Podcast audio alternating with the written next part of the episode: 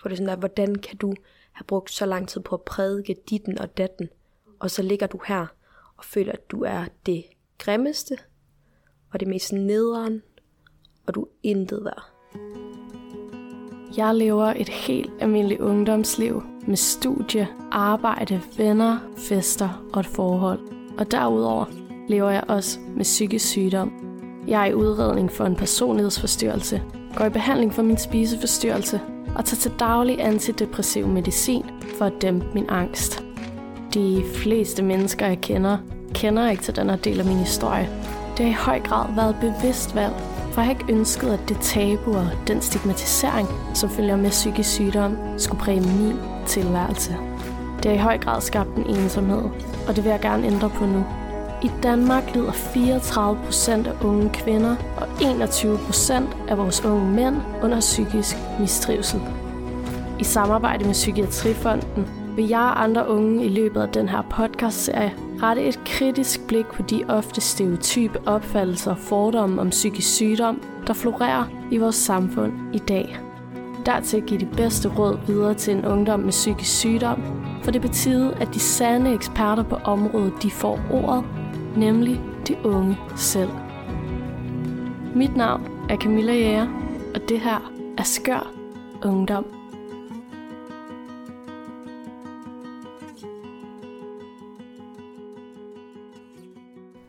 Hej Nenne. Hej Camilla. Velkommen til. Tak. Jeg har glædet mig så meget til at have dig ind i dag. Øhm, og du er jo også en gæst, som jeg kender i forvejen. Ja. Vi har gået på gymnasie sammen, og har egentlig holdt sådan kontakten på Instagram. Øhm, og snakket jo lidt om det der i dag, at vi har jo nok faktisk ikke set hinanden, siden vi blev studenter for, hvad, fem, år siden. Fem år siden, ja. Ja, men øh, Det føles ikke helt sådan. det føles ikke sådan. Nej. Øh, nej, men altså, så dejligt, at du har lyst til at komme her ind i dag. Tak. Jeg har glædet mig helt vildt meget. Ja, også mig. Øhm, først vil du så ikke starte med at lige præsentere dig selv? Det vil jeg rigtig gerne. Jeg hedder Nynne, og jeg er 24 år gammel. Jeg øh, kommer fra Nordjylland, op omkring, hvor du også kommer fra. Ja, som mig. Ja. Vi har gået på samme gym sammen, øhm, men bor i Aarhus, og har boet i Aarhus de sidste to og et halvt år. Og jeg elsker Aarhus. Det er også en dejlig by. Det er bare... Øh, jeg synes, det er, den, lige nu for mig har den den perfekte størrelse, og jeg bor med de bedste roomies i verden. Så Ej, det, altså, hvis man gerne lige vil have et indblik i øh, dig og dine roomies og jeres hverdagsliv, så kan man gå ind og følge dig på Instagram, for det Ja. ser så hyggeligt ud. ja, der bliver lagt lidt ud af, ud af hver. Ja, Ja. ved køkkenbordet der. Ej, men det, jeg har det så godt. Ja, det er så godt. Øhm, og jeg skal starte på studie mm. her, jamen på mandag. Vi er om et fem dage. Ej, også mig. Sygt. så, så fedt, du lige tager turen her til København Ja. for at optage, så er det fandme... Det er mere nyde af tiden. Jeg ved, der kommer til at være travlt det næste lange stykke tid, ikke? Ja, Med det hele. ja. Øhm, jeg skal starte med at læse til lærer. Mm. Øhm, og det har været lidt en kringlet, kringlet vej dertil, men øhm, jeg har fundet frem til, at jeg vil vælge et studie, som jeg synes var nice, Ja. og et, som jeg vidste, der var et godt socialt liv, og, øhm, og et godt fællesskab. Ja. Øhm, jeg synes også, studiet er spændende, men øh, jeg har måske aldrig set mig selv blive sådan en folkeskolelærer, men øh, Der er jo også mange ting, man faktisk kan Det gøre, men det er jo ikke nødvendigvis lige folkeskolen, det behøver at være. præcis. Øh. Jeg har virkelig overvejet, om jeg, jeg vil rigtig gerne arbejde med trivsel, Ja. øhm, eller være skole, blive skolepsykolog, eller studievejleder. Jeg vil gerne, jeg vil gerne hjælpe folk. ja. Jeg vil gerne være en, et safe space. Det er jeg slet heller ikke i tvivl om, at du vil være mega god til, altså. Tak.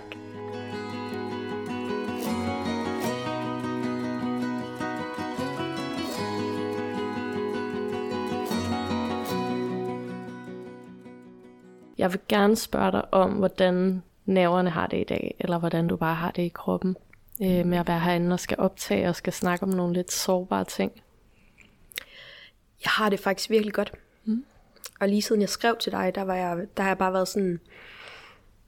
Jeg har lidt sådan en øh, ting for tiden med, at jeg går efter, hvad, når ting føles rigtige. Mm. Øhm, for eksempel med studie, og med det her med at skulle ind og snakke med dig, og øh, jeg kan bare mærke, det føles rigtigt. Mm. Øhm, og jeg har lidt bevidst ventet med at snakke, du ved, hele min, min sidste, måske års tid, halvårs tid, igennem, fordi jeg vidste ikke lige, hvor jeg skulle starte og slutte. Nej. Og så synes jeg, det er sygt dejligt, at øh, du sidder der som det varme og fine, søde menneske, du er. øhm, og kan stille lidt spørgsmål og kan holde takstok. Fordi ja. ellers så ved jeg, at jeg øh, vil ende alle mulige steder. Det kan være, vi gør alligevel. Det gør vi nok. øhm, men altså, det er, da også, det er da også vildt svært, når man bliver bedt om at udlægge ja, en historie, som om det var sådan en fortælling, der bare går lige ud af landevejen. Ja. Det er jo bare noget, der er svært at finde hoved og hale i nogle gange. Helt og sådan noget. sikkert. Men øh, ja, lad os prøve mm. at, at dykke ind i det. Og hvis du kunne have lyst til at starte sådan med øhm, det der med at fortælle, hvorfor du er her i dag, det handler jo om at være ung, og det handler om øh, psykisk sygdom og psykisk mistrivsel.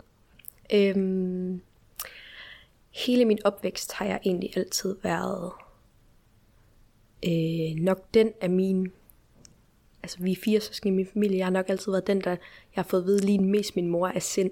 Hmm. Min mor hun er meget positiv, og hun er meget øh, glad og tager tingene som det kommer. Øhm, og der, sådan har jeg egentlig altid været. Jeg har altid været øh, meget social. Jeg har elsket at være omkring mennesker. Jeg har øh, smilet og grinet, og jeg har, jeg har virkelig været et glad barn. Også selvom at der har været nogle tider i min folkeskole, som har været hårde. Ja.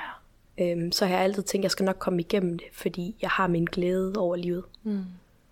Øhm, og det Øhm, den del af mig følte jeg en gang sidste sommer, øhm, at jeg begyndte at... Der var noget af mit fundament, der begyndte at øhm, smuldre. smuldre lidt. Ja. Øhm, der be, jeg begyndte at fornemme nogle følelser og nogle... Øhm, nogle det, ja, ting inde i min krop, som jeg ikke havde, havde prøvet før. Ja. Øhm, og det var sådan negativ. Ja, altså, det, det var, var negativ, ting, jeg ikke, det, var, det var følelser og en, en sådan en håbløs, en kederlighed, jeg ikke kunne placere. Ja. Jeg plejer altid at være sådan, da jeg var lille og havde stor temperament, der blev jeg ked af det, og så græd jeg og smed rundt med alt på værelset, men så gik der altså en time, og så var jeg glad igen. Så var jeg klar til at komme videre. Ja. Men det var som om lige pludselig var der noget, hvor at det blev ved med at sidde i mig. Jeg kunne ikke komme videre fra det. Nej. På det her tidspunkt, der arbejdede jeg som, som barchef på en restaurant i Aarhus. Øhm, og det job har givet mig rigtig meget. Det har givet mig et fællesskab i Aarhus, da jeg flyttede til byen en uge inden corona, øh, og ikke kendte nogen, og tænkte, at min tid i Aarhus skulle starte på en måde, som jo slet ikke kom til at ske, fordi ja. pandemien gjorde, at ja, ja. alt ændrede sig for alle. Ikke? Øhm, så jobbet har givet mig... virkelig hårdt, altså jeg tror også, at øh, en del af grunden til, at jeg sidder her i dag og kan snakke om alle de ting, jeg har oplevet, startede nok egentlig, da jeg flyttede, flyttede til Aarhus, og tingene begyndte at i gåsetegn gå skævt. Ja. For det er hårdt at flytte til en by i forvejen, men at flytte til en by, hvor den første måned skal man øh, være isoleret ja. øh, sammen med sin storebror. Heldigvis boede jeg med min storebror på det tidspunkt. Mm. Øh, det gjorde meget, men jeg havde ikke mulighed for at gå ud og skabe relationer. Men så fik jeg job øh, på restauranten i Aarhus øh, i juni 2020. Øhm, og kom egentlig hurtigt ind i tingene. Jeg har været i restaurationsbranchen før og ved, at jeg er en god arbejder, og jeg, øh, jeg gør mine ting godt. Øhm, og jeg kan godt lide at skabe de relationer, man gør, når man er på arbejde. Og udenom arbejde for den sags skyld. Øhm, men så er det som om, jeg kunne mærke, at der gik egentlig en tid, hvor alt var fint, og vi, vi hyggede med det, og det var, det var et godt arbejde, det var et godt fællesskab og det hele.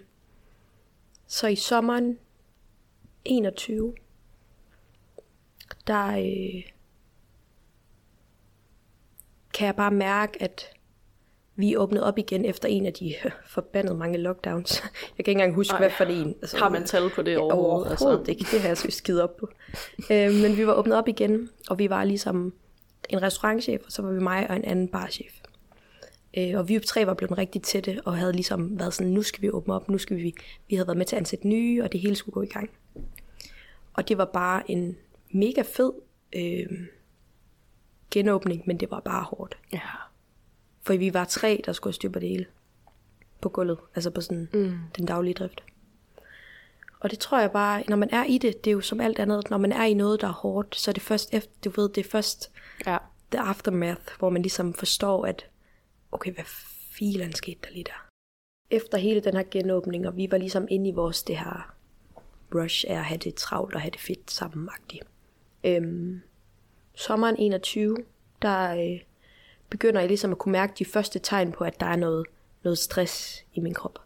På det tidspunkt ved jeg ikke, hvad det er, fordi jeg har som sagt aldrig øh, prøvet at være øh, udfordret mentalt på den måde, i hvert fald i den grad før. Hvordan havde du det sådan øh, mentalt på det her tidspunkt? Altså, havde du tid til at mærke efter, eller? Jeg, kom, jeg blev lidt smidt, efter sommerferien blev jeg lidt smidt tilbage i en masse arbejde. Det gjorde lidt, at når jeg var der, så vidste jeg, hvad jeg skulle, så der var ikke rigtig så meget tid til overs til at tænke over så meget. Men øh, jeg var jo helt drænet, når jeg kom hjem, og jeg havde ikke overskud. Mm. Øh, jeg havde bare lyst til at ligge i min seng og rulle for gardinerne. Jeg blev også irriteret, når der var godt vejr. Fordi så var alle andre ude havde det sjovt, og jeg lå bare der med øjnene, der ikke kunne se, og øh, intet overskud. Ja. Øhm, og jeg tænkte jo, der skal bare lige gå lidt tid. Du kommer over det, det er fint nok. Du er bare træt. Du er bare træt, du har bare arbejdet meget. Ja. Øhm, og den bliver egentlig, den sådan idé om, at det var sådan, jeg havde det, blev egentlig ved med at presse lidt på indtil, øh, jamen, omkring oktober 21. Hvor at øh, jeg op til begynder at opleve, at jeg har svært ved at trække vejret. Jeg begynder ja. simpelthen at få, altså sådan, det jeg efterfølgende har fundet ud af, er panikangstanfald. Mm. Øh, jeg har brug for at ringe til mine forældre hele tiden, for at være sådan, jeg har brug for noget, men jeg ved ikke, hvad det er. Ja. Jeg kan ikke trække vejret, hjælp mig, og min mor er sådan, dyb vejrtrækninger, dyb vejrtrækninger. Og det kulminerer egentlig i, at mine forældre er kørt til Aarhus. Mine forældre, altså, de er verdens bedste.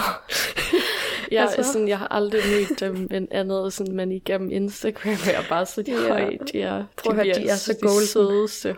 De vil gøre alt for os fire børn. Ja, Altså, og det har jeg virkelig... Hold kæft, det har jeg virkelig mærket. ja. Og hvor er det dejligt. Altså, det Virkelig. under man jo bare alle at have det privilegie, at 100 procent. selvfølgelig gør de fleste forældre alt, hvad de kan, men øh, det Ja. er jo også det der med, om, hvad, hvad man har overskud til at vælge at gøre. Sådan ja. noget. Det, det ser i hvert fald bare De er seriøst klar til at Dejligt. smide alt for... Ja. det er så fedt. Men de kom i hvert fald ned til mig. Øhm, Ja. og vi kørte en tur og et eller andet, og lige pludselig, mens vi er på vej, jeg får et panikanfald i bilen, og jeg kan ikke trække vejret, fordi alle lyde, mm. trafikken, min mor snakker i telefon, øh, på sådan høj, øh, på, i bilen, sådan Ja, speaker, Ja, sådan, det gør hun altid. Hun har altid nogen at snakke med. Og jeg var bare sådan her, og min far snakker i telefon bag, og jeg sådan her, der, jeg kan ikke, du ved, jeg ved ikke, hvad jeg skal gøre mig selv. Mm. Jeg begynder bare at hyperventilere og sådan græde, græde, græde. Min mor sådan, hun går også i helt panik. Sådan, hun står midt i, eller sådan kører midt i midtbilen. Mm. Hvad skal jeg gøre? Og så tror jeg lidt, at i den, på den biltur, da vi kører hjem af igen, der siger mine forældre for første gang for mig sådan, har du overvejet, om du skal holde pause med at arbejde? Du har slet ikke tænkt den tanke. Nej. Mm. Og det er jo det, der er helt vildt, når jeg tænker tilbage. Altså sådan, der gik så lang tid, før jeg sådan tænkte, fordi jeg tænkte, at det kan jeg jo ikke bare. Der er jo folk, der regner med mig. Der er jo, jeg har en pligt til at møde op. Jeg skal jo være dernede. Business kan jo ikke køre uden mig. Og det er jo ikke fordi, at jeg sådan narcissistisk og tænker, ja, det er kun mig, der kan tingene. Men man er så meget inde i de rutiner, at man tænker, hvis ikke jeg gør det her, hvem gør det så? Ja, hvordan overlever det Hvordan her sted? overlever det? Ja. Jamen altså, og der var også et økonomisk aspekt, fordi at jeg er jo bare timelønnet, så ja, ja. da jeg var sygemeldt, så var, havde jeg jo bare ikke nogen timer. Nej. Men i den biltur, der sagde mine forældre, prøv høre, nu synes jeg, det er en god idé, du ringer til din chef og snakker med, med hende. Vi skal nok hjælpe dig økonomisk. Vi finder ud af det. Så ringte jeg til min chef, som tog det rigtig pænt. Hun er, rigtig, hun har, hun har igennem det været rigtig sød og rar. Ej, hvor godt. Øhm. Øhm, og det er dejligt at føle sig grebet. Ja. Og sagde, at jeg bliver nødt til lige at trække stikket lidt. Mm. Øhm, og så var jeg sygemeldt i en måned. Og i samt, altså sådan, da jeg havde den samtale med min chef, der dagen efter, der havde min far fundet en psykolog til mig. Hvor Og det var bare perfect match. Ej. Jeg fandt verdens sødeste psykolog. Og hun forstod mig bare, og hun... Første gang, jeg har gået til psykolog, og jeg synes, det var så sygt, det der med bare at kunne sidde og snakke, og der var en, der lyt, altså sådan, lyttede uden at have nogen sådan agenda, eller nogen, der var sådan, ville pingpong tilbage, eller sige Ja, noget og om en det selv. faktisk, at man ikke selv skulle sidde og være høflig og spørge Præcis. den anden vej, eller sådan, man kunne faktisk bare vælte ud Det var med. faktisk meget befriende. Ja, det kan jeg godt forstå. Og vi fik snakket om en masse ting, og du ved, vi fik gået alt igennem nærmest. Øhm. Og jeg tror, jeg ender med at være sygemeldt i en, i en måneds tid, hvor jeg går ved min psykolog to gange om ugen. Ja, det er også intensivt mm. øh, forløb. Ja. Og igen er det mine forældre, der finansierer det, så det er virkelig, altså sådan, fordi de penge kunne jeg jo aldrig finde selv. Nej, gik du igennem øh, lægen? Nej, Nej. Øh, det gjorde jeg faktisk ikke før. Nej, så var du heller ikke kommet igennem Nej, til dagen efter i Præcis, virkeligheden. og det var ja. fordi min far var sådan, ringte til hende, øh, psyko- min psykolog og sagde sådan, min datter har akut stresssymptomer, kan du tage hende ind? Ja. For man vidste jo, at hvis man skulle igennem, så ville det jo tage lang tid. ja. Øhm, efter min sygemelding, øh, hov, det er måske lige vigtigt at nævne, at øh, under den her stress-sygemelding, mm. der øh, delte jeg meget ud af det, jeg gik igennem, Mm. og mine følelser og mine tanker omkring det. Øh, fordi jeg på min Instagram har en idé om, at det vigtigste for folk er at føle, at de ikke er alene.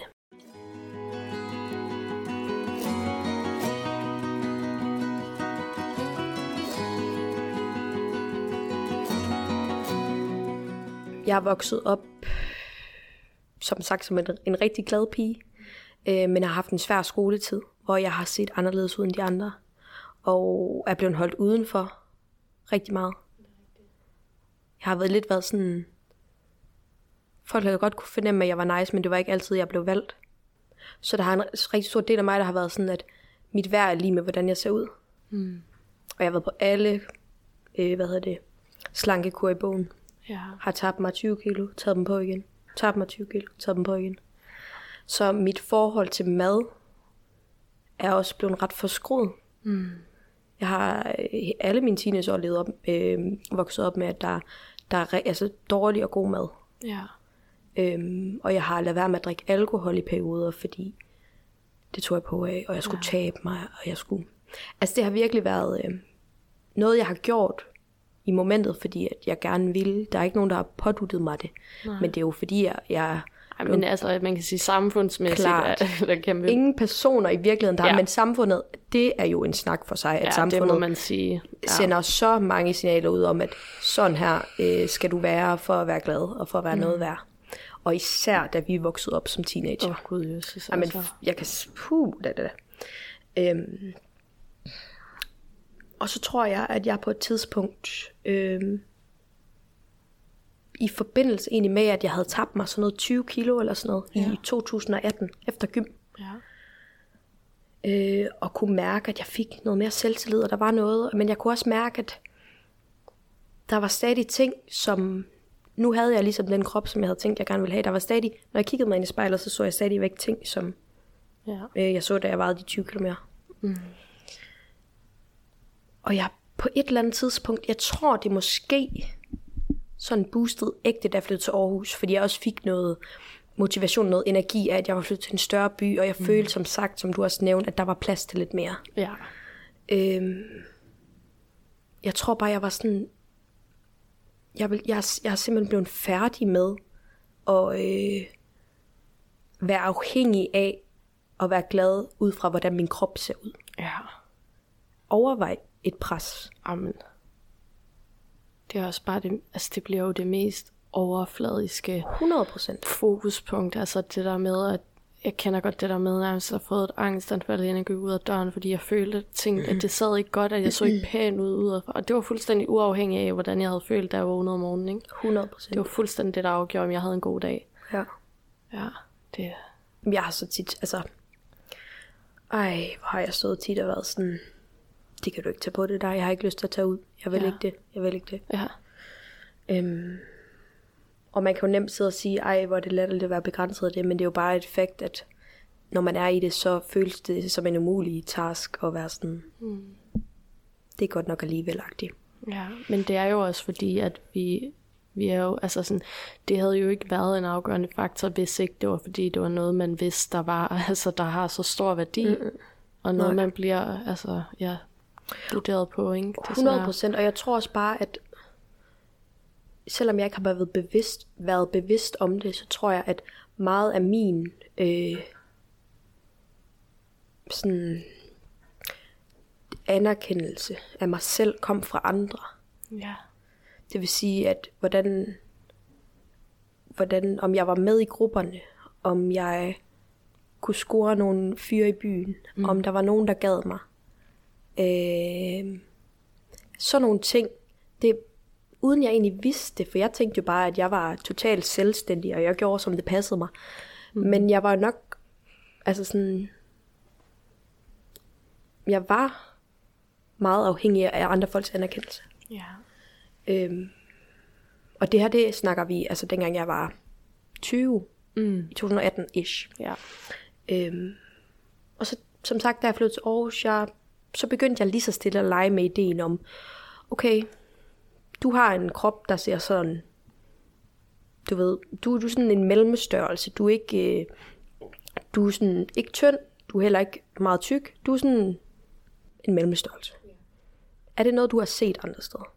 Er det noget, du altså du ved, der er en grund til, at du føler dig forkert, fordi du mangler repræsentationen. Og så var jeg sådan, nu prøver vi, nu prøver vi sgu at være den repræsentation selv.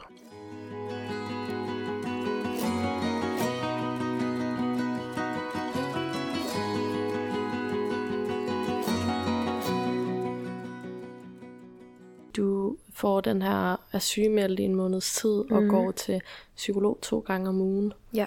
Hvad sker der så? Jamen, øhm, så beslutter jeg mig egentlig for, at jeg skal begynde at starte lidt på arbejde igen. Øhm, stille og roligt ud. Øhm, så kommer der lockdown. Nogle ting, der gør, at det bliver sådan lidt turbulent. Men jeg begynder lige så stille at arbejde igen. Og jeg tænker egentlig bare, okay, det føles lidt underligt, men jeg skal lige i gang. Mm. Øhm, og det gør jeg vel egentlig indtil omkring april i år. Og jeg kan godt mærke, at den er der ikke helt. Den arbejdsglade nynne, jeg plejer at kende, den, den, den er der ikke helt. Øhm, men igen tænker jeg, at der bare skal gå tid. Jeg skal bare lige komme videre. Ja. Øhm, og jeg kan faktisk huske, at jeg har en dag, hvor jeg skal møde kl. 12 eller et eller andet. Kl. 11 tager jeg et bad, og jeg besvimer faktisk ude i badet. Ej, hvor, ej, hvor ubehageligt og Ja. farligt. Og, Ja. ej, Og det værste af det hele, det er, at jeg tager på arbejde. Og jeg Ja. tænker ikke, det har noget med noget at gøre. Jeg tænker bare, at jeg er ved at blive syg. ja, Det er ret sygt. ja, nej, nej, nej. Øhm, og jeg døde også med at få angstanfald og sådan noget, men det er jo min, på en eller anden måde var det min proces til at finde hen et sted, hvor jeg forstod det, for det gjorde jeg ikke på det tidspunkt. Mm. Indtil at jeg i april måned vågner. Jeg har tre arbejdsdage foran mig, sådan nogle lange, sådan noget 12 timer, sådan en standard restaurationsbranche, ikke også? Jeg vågner bare og græder. Ja, Og jeg er sådan her, jeg kan ikke noget. Jeg ringer til min mor, og jeg er sådan her, jeg ved ikke, hvad jeg skal gøre, og jeg skal møde om en halv time, og jeg kan jo ikke bare melde mig syg. Jeg kan jo ikke. Øhm, og min mor er sådan, du kan jo ikke tage på arbejde sådan der. Du, nu ringer du. Nu ringer du til din chef. Så ringer jeg til min chef og forklarede det. Øh, og jeg var jo helt væk fra den. Jeg kunne jo ikke forklare, hvad det var, jeg var bare... Det er jo det, altså... det er jo det, der er så svært ved det her, det er, at man kan sige, jeg væltede i går og brækkede mit ben. Ja. Jeg er på sygehuset, jeg er gips på, jeg kan ikke møde op. Det er en ret reel grund, Præcis. hvis man skal have en 12 timers vagt, hvor man skal gå. Præcis. Ja. Så vågner jeg der grædende. Hvad skal jeg sige? Mm. Jeg kan ikke møde ind, fordi jeg græder. Ja. Men jeg ringte, og jeg var sådan her, jeg kan ikke, jeg, kan, jeg bliver nødt til, jeg bliver, du ved, sådan mumler et eller Ja. andet. Og min chef er sådan, ja, kan du lige skrive rundt til nogen, vi finder ud af noget, kan vi lige Ja. ja. finde ud af noget. Og det ender med, at jeg får byttet, eller ved, for afsat de her tre vagter. Ja. Og den morgen, jeg kan huske, at jeg går ind og vækker øh, Nina, min roomie. Og sådan her, hun ligger og sover mega forvirret, sådan græder, og hun tager om mig, og sådan, jeg siger, jeg bliver nødt til at sige op. Jeg bliver nødt til at passe på mig selv nu. Ja. Hvis jeg ikke gør det, så er der ikke nogen, der gør. Og jeg fik søgt en åbenbaring. Ej.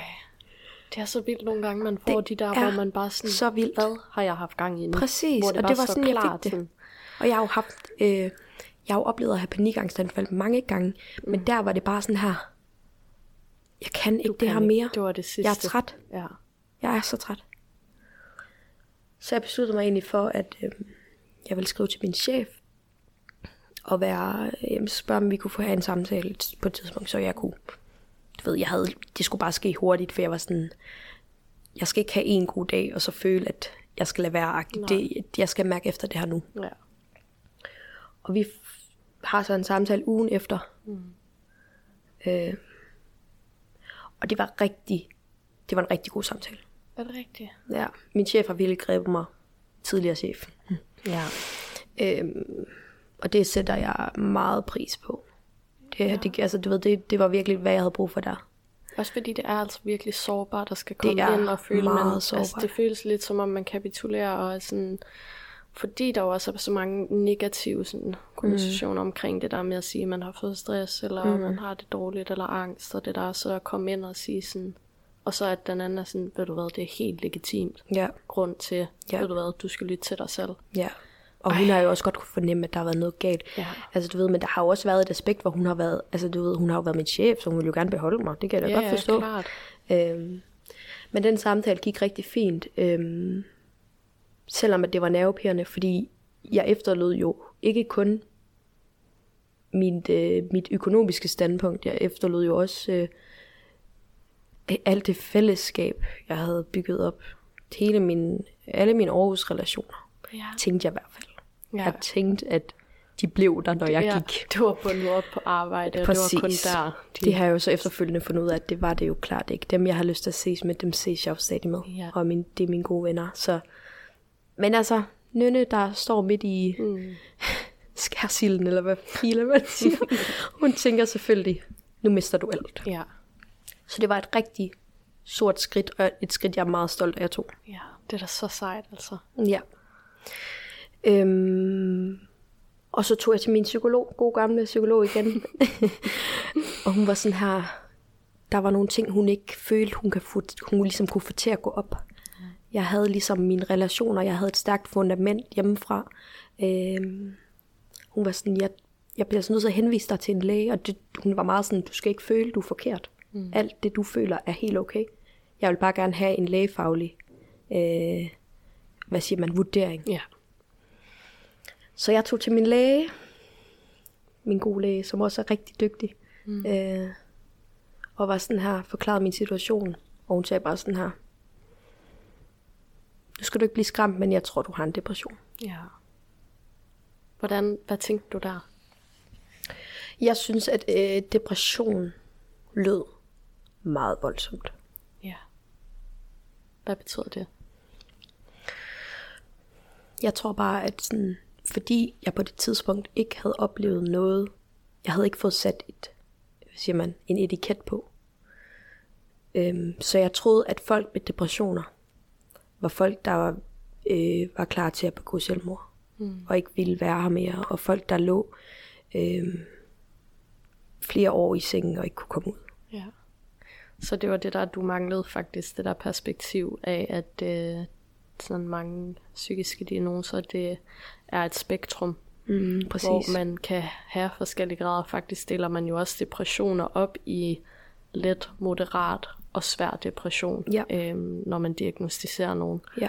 Ja, så du ligesom, du tænkte, det er alt eller intet. Ja. Eller med, ja. Men som alt andet er der jo et spektrum, og det har jeg jo fundet Ja. ud af. Ja, ja, men altså, Øh. hvor skal man vide det fra, ikke? Jeg var he- altså helt blank. Mm.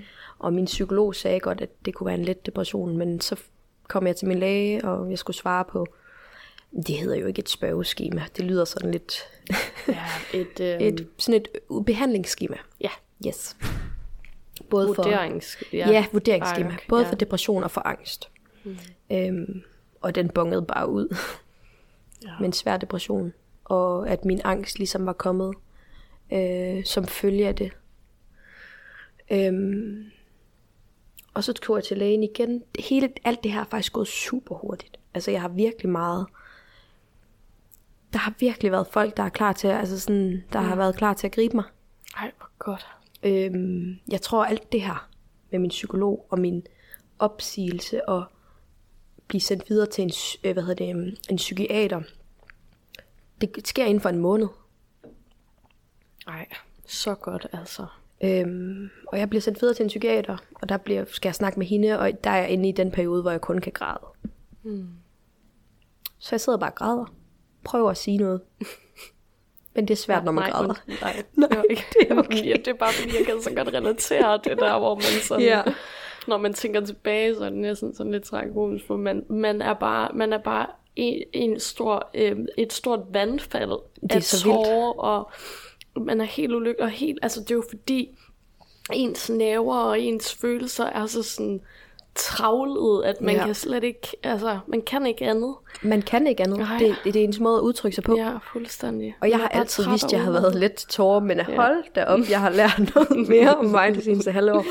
Altså, jeg, Ja. jeg tror, jeg håber ikke, jeg kommer til at græde så meget øh, i sådan en lang periode igen. Nej, Men det var den måde, som sagt, jeg kunne, øh, hvad hedder det, udtrykt. udtrykke mig på. Så jeg var med min psykiater, og hun fik skrevet nogle ting ned, og hun var sådan, ja, der er ikke nogen tvivl om, at du skal starte på medicin, okay. hvis du er klar på det.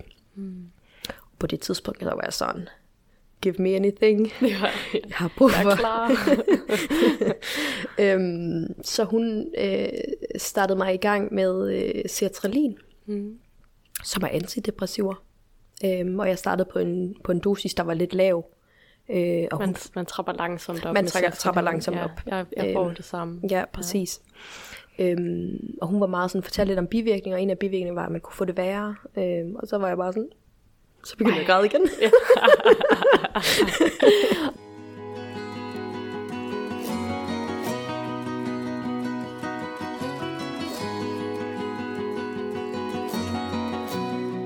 Øhm, så jeg oplevede i starten, at altså sådan, jeg havde virkelig mange dage, hvor jeg bare lå i sengen, og mm. bare var sådan her, hvad er det her? Ja. Øhm, men jo, jo, jo højere dosis jeg ligesom kom på, jo bedre blev det. Mm. Jeg tror, at øh, der skete et stort skift for måske halvanden måned siden. Mm. Øhm, og det var jo selvfølgelig ikke sådan, hvor jeg bare vågnede op en dag og var sådan sprang ud af sengen og sagde, nu skal jeg bare male byen rød, vel? Men altså, det, er også, det er også der, det er totalt misforstået, Ja. når nogle folk de sådan stadig kalder det lykkepiller Ja. eller sådan noget, Ja. for det er jo 100% Det- ikke det, der sker. det er ikke det, der sker. Nej. I hvert fald ikke så, øh, så hvad hedder det, Altså givet. billedligt, som Ja. folk de tror. Vel? Nej, nej. Øhm, I wish. Altså. Ja, det havde jeg også ønsket nogle gange. øhm, men jeg, jeg, jeg kunne bare lige, altså jeg begyndte lige så stille at mærke, at nogle af de ting, som jeg i godstiden havde undværet, fordi jeg ikke havde, jeg kunne ikke finde overskud, jeg kunne slet ikke finde lysten. Altså jeg kunne ikke, det, det eksisterede ikke. Som for eksempel at træne, som for eksempel at tage ud med mine venner og drikke øl, som at være ude mellem folk. Mm. Øh, jeg fik tot, i hele den her periode har jeg fået total angst og det dårligt, når jeg var ude med blandt folk. For jeg var sådan, hvad tænker de? Ja. Hvordan ser de mig? De, du, du har lagt dig grædt i 15 år inde i din seng. Det kan de se. Ja, ja, ja. Jeg Så skal det var hjem sådan nu for at ligge i den seng totalt, øh, igen. billede ud, altså du så dig selv udefra og var sikker på 100%. at, at finde ud af alle de måder, folk de ville Jeg dømme var dig kun på. min psyke. Ja, Altså jeg føler virkelig, jeg var sådan... Min krop var bare sådan en ting, som jeg havde. ja. Det kender jeg godt. Altså sådan... Fordi min, min hjerne ligesom var sådan der. Sagde det til mig ikke. Eller sådan, Ja, ja, man ja. havde ikke overskud til at være sådan, tale pænt til sig selv. Nej. Men for et andet måned siden begyndte det at blive bedre, og som sagt, så mærkede jeg dele af den gamle nynne igen. Mm. Øhm, og jeg kommer 100% ikke til at blive 100% den gamle nynne igen, fordi der er jo sket alle de her ting. Ja. Men som jeg sagde til dig, inden vi gik i gang, jeg har jo lidt level, levelet op. Altså, det var et Ja. lidt svært ord. Du er nået til next level af Det er jeg. nynne. Ja. Jeg tænkte faktisk, at jeg at var, det du ved, var der, hvor, at, øh, altså måske for et års tid siden, der tænkte jeg, at okay, rimelig solidt sted, du er. ja. Du var done der, Ja. tænkte. Sådan. Men øh, så skulle jeg lige igennem et stressforløb og en depression Ja. og noget medicin og noget. Men så var jeg sådan, jeg begynder at se nu, at, at jeg, jeg kommer til at lære noget af det her. ja. Og jeg kommer til at blive bedre. Og det gør man jo som regel det der med, når man skal i gang med igennem hårde ting, man, man lærer noget og får nogle erfaringer og mm. en dybere forståelse. Men det er fandme hardcore at skulle igennem. Altså, Det er, prøv at høre, nu skal det det, heller ikke, ønske for nogen, vel? det vil jeg sørge med For det er jo ikke en måde at sige sådan, bagefter var det bare lutter og lavkage, for så oh. havde jeg bare, så, altså, Præcis. Ja. Ej, nej, nej, og det er sådan... Jeg kan også sidde og sige det her nu, fordi jeg er et meget bedre sted, end jeg længe har været, men ja. altså under det her helt, altså et ord, der har altså sådan beskrevet de sidste fire måneder, siden april for mig, mm. i mine depressioner, var håbløshed. ja, skal vi lige dykke ned i, hvad, fordi hvis der er nogen, der sidder og lytter med, og jo ikke har prøvet at have en depression, så kan de være sådan, hvad, hvad ja. nu det er, man er lidt ked af det og sådan noget. Ja. Kan du, kan du ikke sætte lidt ord på, både sådan, hvad din forståelse af en depression er, og, og hvordan den opleves for dig, altså mm. meget gerne med sådan tanker og følelser, og Ja. ja. Øhm, jeg tror, at som sagt, så var en af de sådan, mest karakteristiske følelser i min depression, øh, at jeg var håbløs. Mm. Øhm, jeg vågnede op og var... Der var ikke noget, der motiverede mig til at gøre noget. Mm. Jeg fandt tryghed i at, i at spise, fordi det var så nem en ting at være sådan, så bestiller jeg noget mad, eller så snakker jeg den. Ja.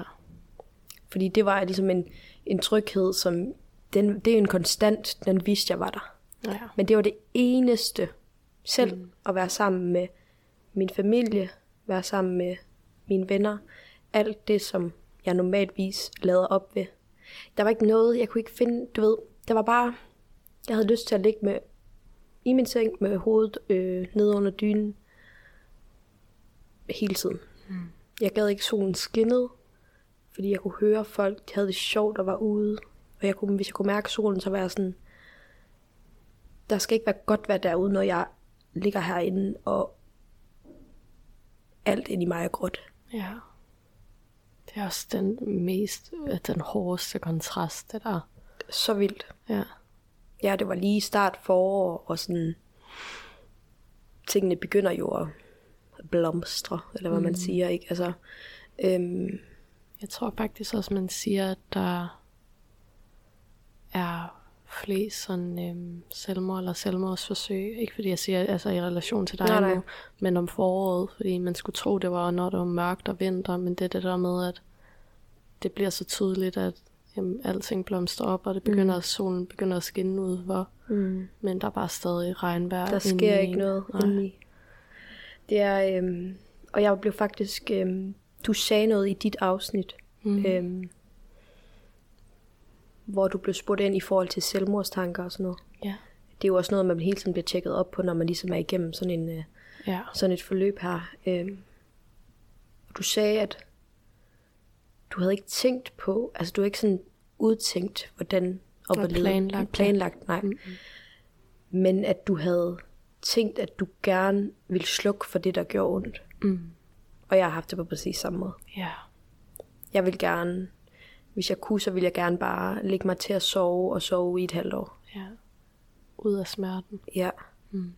Og det var også derfor, altså du ved, jeg brugte jo så meget tid på bare at sove, fordi der fik jeg jo pause. Ja. Fra hvilke tanker var det? For tank, et tanker om for det første at være ked af det. Ja. Føle mig som, som en fiasko. Føle, at det har ramt mig. Jeg, jeg skulle være stærkere end det her. ja. Øh, Var der en skam i det der med ikke at, øh, ikke at ku- kunne klare det? Altså, meget. Jeg følte mig rigtig, rigtig svag, og jeg følte mig meget, jeg følte mig ikke noget værd. Jeg følte, at jeg følte, at det var, det var skamfuldt for mig, at jeg ikke engang havde overskud til at svare på mine beskeder. Mm. Jeg havde ikke engang overskud til at gå ud i køkkenet, hvor mine roomies var, fordi så skulle jeg snakke med dem. ja. Øh, jeg havde ikke engang overskud til at gå ud. Altså, jeg kunne fysisk ikke gå ud imellem folk. Fordi jeg var sådan, de kan se på dig, at du har det skidt. Ja. Ja, det må man jo helst ikke. Eller sådan. Det må man ikke, nej. Nej.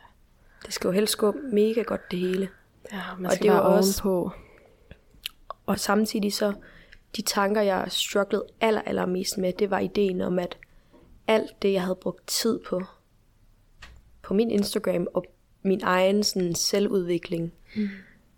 Øh, med at acceptere, hvem jeg var, øh, og have det, altså, den kropsaccept, jeg på en eller anden måde var, var ved at nå frem til, Mm. det forsvandt natten over. Ja, Og jeg troede det aldrig, væk. det ville komme igen. Jeg troede aldrig, det ville komme igen, og jeg bankede mig selv i hovedet over det hver dag. Ja. For det er sådan der, hvordan kan du have brugt så lang tid på at prædike ditten og datten, mm. og så ligger du her og føler, at du er det grimmeste. Og det mest nederen, og du er intet værd. Mm. Og jeg vidste ikke, hvordan jeg skulle lufte de her tanker, fordi det, er jo, det har jo været en del af min egen, øh, det ved jeg ikke, min egen rejse derhen. Det har været en del af min egen proces, ja. så jeg vidste ikke, hvordan skal jeg sige til folk, eller sådan folk, hvordan skal jeg sige til for eksempel min familie. Mm. Jeg føler mig som en kæmpe idiot. Jeg føler mig værdiløs. Jeg føler mig ikke noget værd. Det vil Ja. faktisk at sige, at jeg har brugt min familie rigtig meget, og vi kan snakke mm. om basically alt. Så jeg har luftet de her tanker, men det var mere sådan hele grundfølelsen, der var i min krop. Det er jo kun mig, der har den. Ja. Men Den det, kan de jo ikke tage, tage fra mig. Nej, og det er altså også... Det er ikke nemt at fortælle ens familie, som man jo ved elsker en og vil en det bedste, at være sådan... Ja, jeg føler mig værdiløs. Mm. Jeg har faktisk slet ikke lyst til at være vågen, fordi det er så smertefuldt. Det gør for ondt. Føler mig, det gør for ondt. Fordi det, folk, det er jo så svært. Det er jo smertefuldt for andre, og folk, der er tæt på en at høre. Mm. Og man har jo ikke lyst til at pådutte dem smerte, eller gøre dem bange, eller Mm-mm.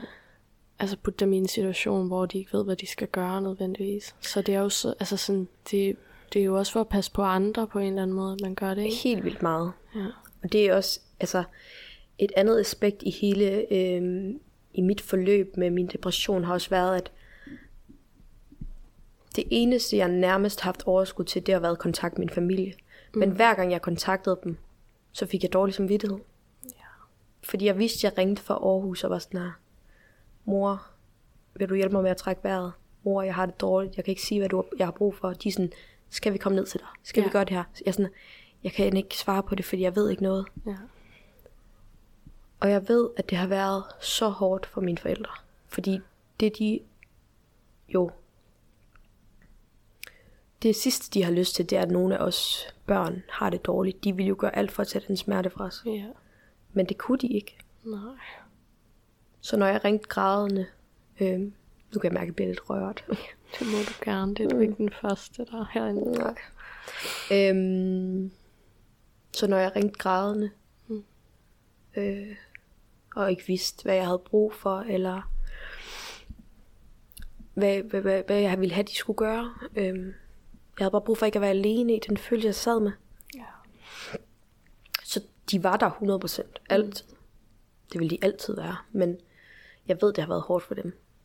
Og jeg er faktisk, efter jeg har begyndt at få det bedre, der er jeg begyndt at ringe til dem og sige, når jeg er glad. ja. Fordi at øh, jeg ringet så mange gange, hvor jeg er ked af det. Har, du det, har du dårlig samvittighed over det på en eller anden måde? Jeg havde det, altså jeg havde dårlig samvittighed, da jeg havde det dårligt. Mm. Nu hvor jeg har fået det, fået det bedre, øh, der har jeg det ikke. Fordi vores familie er sgu en lidt en, en meget sådan sammenkoblet konstellation. Mm-hmm. Vi snakker om alt, altså sådan også måske lidt for meget agtigt, eller du ved sådan, gennemsnakker måske lidt for meget, mange ja. ting. Men hvis der er en ting, der er plads til, så er det at sige, hvordan man har det højt. Ja. Og det kræver mine forældre, det kræver mine søskende i takt med, at vi er blevet voksne. Ej, Det kræver vi af fantastisk. hinanden. Ja.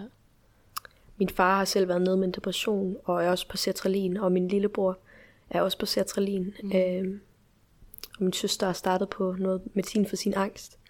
Så det, det lyder så skørt, men vi er sammen om det på en eller anden måde.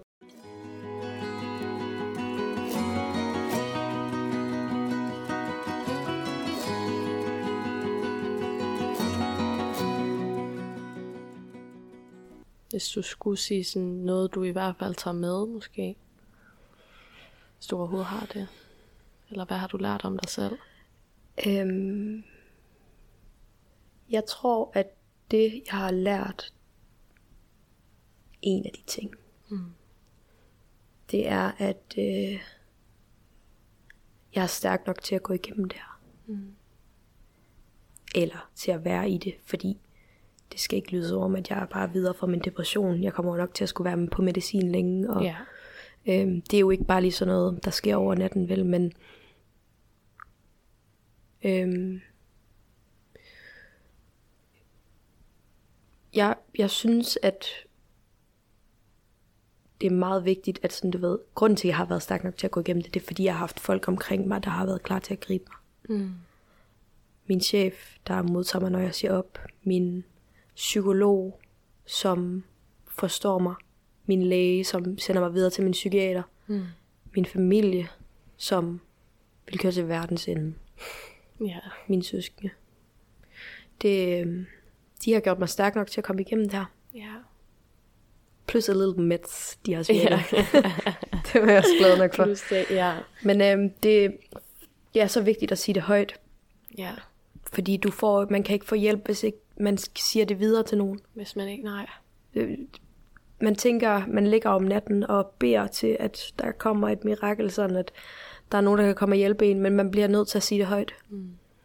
Øhm, og det kan føles skamfuldt, det kan føles som om, at man erkender, at man øh, er en fiasko. Mm. Men jeg lover, jeg lover dig, at når man siger det højt, så er det et skridt øh, tættere på at få det bedre.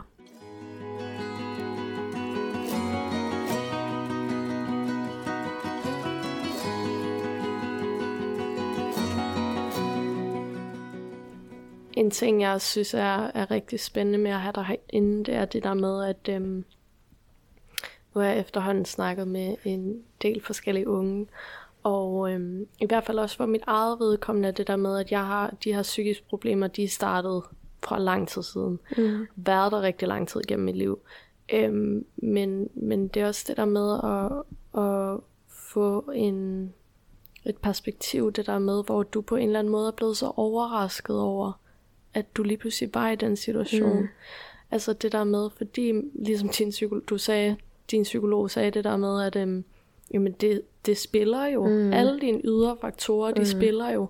Mm. Men det der med, at du nok på et eller andet tidspunkt har overskrevet dine egne grænser i forhold til, hvad der var sundt og godt for dig, mm. og, hvad, og hvor meget, altså sådan, de ressourcer, du havde, ikke? Mm. Så det der med også at få...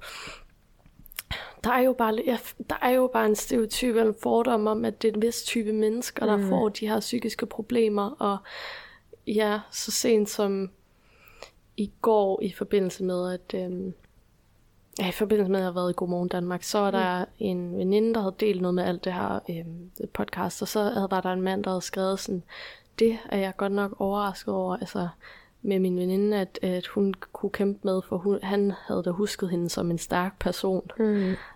og det er det der med sådan, ah, den er så sejlivende, den der med, Ja. at det, det er svage personer, der bliver Mm. mm. udsat for, eller der, hvor der får øh, psykisk sygdom, Mm. og det er nogle mennesker, der helt sikkert har øh, været igennem noget helt øhm, ja, virkelig Traumatiserende, traumatiserende ja. nogle virkelig svære ting, og det er helt sikkert noget, der har været hele tiden. Og sådan. Ja.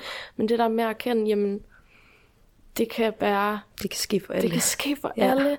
Det, og især det der med stress, mm. kan jo, når vi jo er i et samfund, der pro, altså promoverer øh, det der med øh, altid at have fart på, og mm. arbejde så meget som muligt, og man skal være den her du du du karriere mm. og succes, og så det kan gå ud over alle. Og stress kan virkelig være en afgørende faktor til, at man udvikler depression og mm. angst også Ja. i forbindelse med det, så jeg synes bare, det er så vigtigt, at du kommer ind i dag og sætter ord på det der med, jamen jeg har en helt fantastisk safety net, og jeg oplevede mm. også at blive grebet, når det var, mm. men det gik stadig over mig, Ja.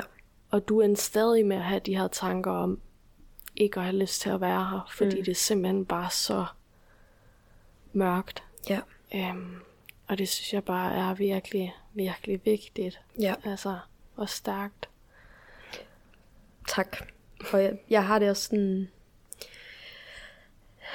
Det er jo også det, jeg håber, det her kan være med til. Mm. At jeg fortæller øh, min historie. Øh, for jeg tror da også, der er mange, der bliver overrasket over Nynne. Hun har da altid været så glad og mm. Positiv. Og hvad, hvad er der lige sket? Altså, du ved sådan... Men det er jo bare sådan, at ligegyldigt hvad slags person man er, Ja. så kan man blive øhm, presset ud nogle steder, hvor at kroppen og psyken har nogle udbrud. De reagerer, fordi de reagerer jo i bund og grund på, at der er noget, der er ubehageligt. Ja. Og jeg har jo 100% presset mig for meget på mit arbejde. Ja, der har været noget galt. Ja, altså, og jeg har flyttet til en by uden at have nogle relationer, og jeg har, du ved, ikke blevet sådan stimuleret nok socialt, som jeg har været vant til, da jeg boede i Aalborg. Ja. Alle de her ting har ligesom sådan bygget sig lidt mere på, lidt mere på, indtil de kulminerede.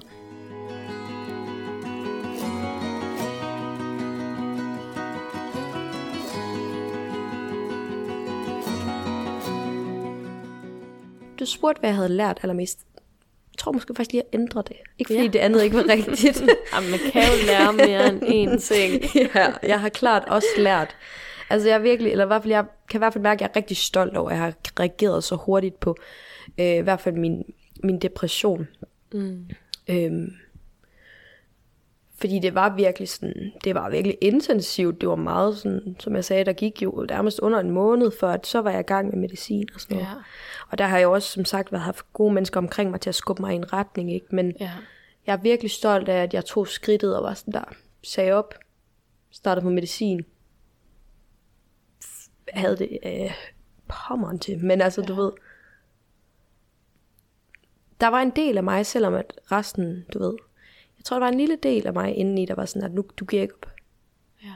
Selvom jeg ikke kunne se dem, da jeg havde det dårligt. Mm. Det, det, det, er ikke sådan, at jeg hver dag var sådan, der vågner og sagde, du giver ikke op. Nej. For det, sådan havde jeg det ikke. Nej. Men, men måske inderst inde et eller andet, der var sådan der, Du fortjener det ikke. ja, nej, Ej, det er så dårligt. ja. ja.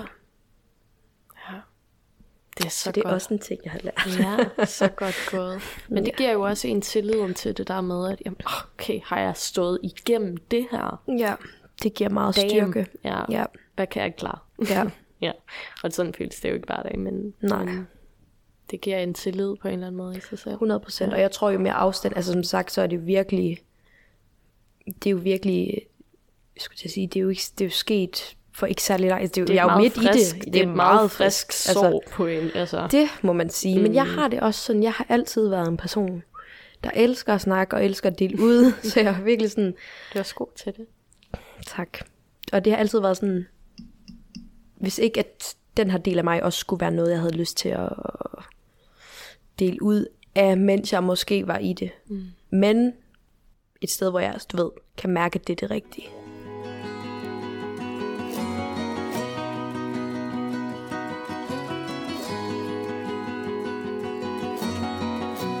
Jeg synes, vi er kommet omkring så mange gode ting, og jeg synes, at du har bare været mega god til at belyse de, de her ting, du er gået igennem. Mm. Og det synes jeg bare er virkelig, virkelig sejt og stærkt.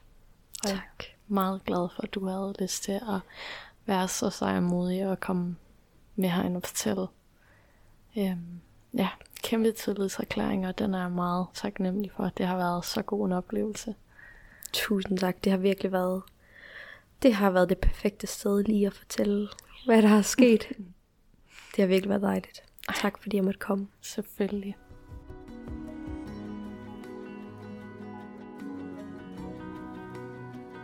Hvis du sidder derude og har ondt i sindet, så er du absolut ikke alene. Både mig selv og en stor del af den danske ungdom forstår, hvordan du har det. Det kan hjælpe at sige det højt. Og hvis du ikke har nogen at tale med, så kan du altid klikke ind på Psykiatrifondens hjemmeside. Her kan du ringe på telefon 39 3x25 eller skrive og chatte til rådgivningen. Derudover finder du information om ungegrupper og meget mere. Connect med podcasten på Instagram via Skør Ungdom Podcast. Vi lyttes ved.